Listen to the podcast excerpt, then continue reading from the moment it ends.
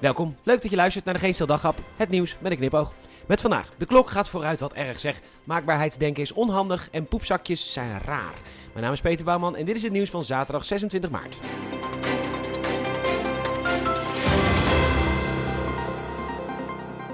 Nou, de klok gaat dus een uurtje vooruit vannacht en volgens de Telegraaf maken veel ouders zich daar zorgen over. Ja, de ouders van nu en hun zorgen. Een paar maanden met de kinderen thuis en ze zijn erachter gekomen dat Baby Bonk en Chardonnay helemaal niet zulke leuke kinderen zijn. Ja, behalve als de juffrouw dat zegt, dan is het klaslokaal te klein en wordt er gedreigd totdat Chardonnay toch minstens een VWO-advies krijgt. En nu maken de ouders van nu zich zorgen over een uurtje tijdverschil. Ja joh, we vliegen de hele familie business class naar Bonaire, Baby Bonk 10 uur aan het huilen, maar goed, daar merken ze in de business class weinig van, want papa wiegt Baby Baby bonk wel even heen en weer in de economy proleten underclass.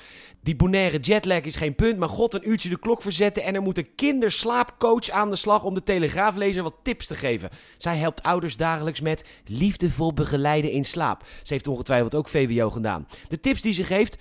Een donkere slaapkamer en weinig geluid. God, je hoopt toch echt van harte dat de oorlog niet naar Nederland komt. Want dan sta je in de loopgraven naast een ouder van nu. Met een stikstofvrije mitrailleur in de hand en een veldfles chai latte amandelmelk. Baby bonk in de burn, want het is neem je eigen kind mee naar je werkdag. Er worden Zuid-Senegalese kinderliedjes gezongen. En ja, de oorlog haalt echt het slechtste in mensen naar boven. Dus mama is begonnen met vepen. Ugh.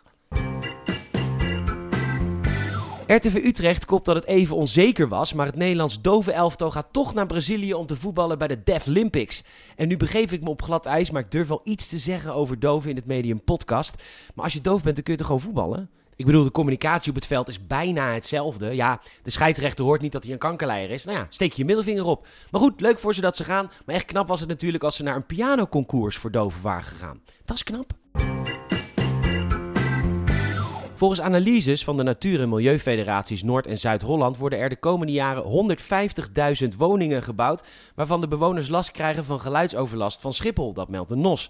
De woningen staan minder dan 40 kilometer van de luchthaven verwijderd en dat zou volgens de Wereldgezondheidsorganisatie gezondheidsrisico's met zich meebrengen. Ja, als die mensen dat toch van tevoren weten, is het toch prima? Door dit constante maakbaarheidsdenken kunnen we straks echt helemaal niks meer. We willen asielzoekers opvangen, maar we hebben niet eens huizen voor starters. Bouw dan meer huizen. Mag niet vanwege stikstof. Lukt het dan wel, dan is er geluidsoverlast of de broed een uitheemse Oost-Sri Lankaanse ganzensoort. En wat het allemaal maar moet gaan kosten. Ja, gaskraan dicht, inkomen weg. Misschien moeten we blij zijn dat Schiphol ons nog wat oplevert, want de bronnen drogen wel zo'n beetje op met de regeltjes voor alles. En anders laat je er toch gewoon mensen wonen die er geen last van hebben. Het Nederlands dove elftal, een bejaardentehuis of fans van Gerard Joling. Ophouden nou zeg.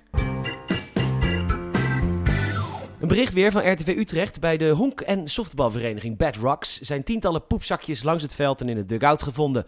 De woordvoerder van de club zegt het stront vervelend te vinden. Nice. Maar het meest treurige aan dit verhaal is natuurlijk de persoon of de personen die dit hebben gedaan. Die hebben dus thuis hun eigen poep lopen opvangen in een zakje dichtgeknoopt, in een tas gedaan, de auto in of fiets opgestapt en...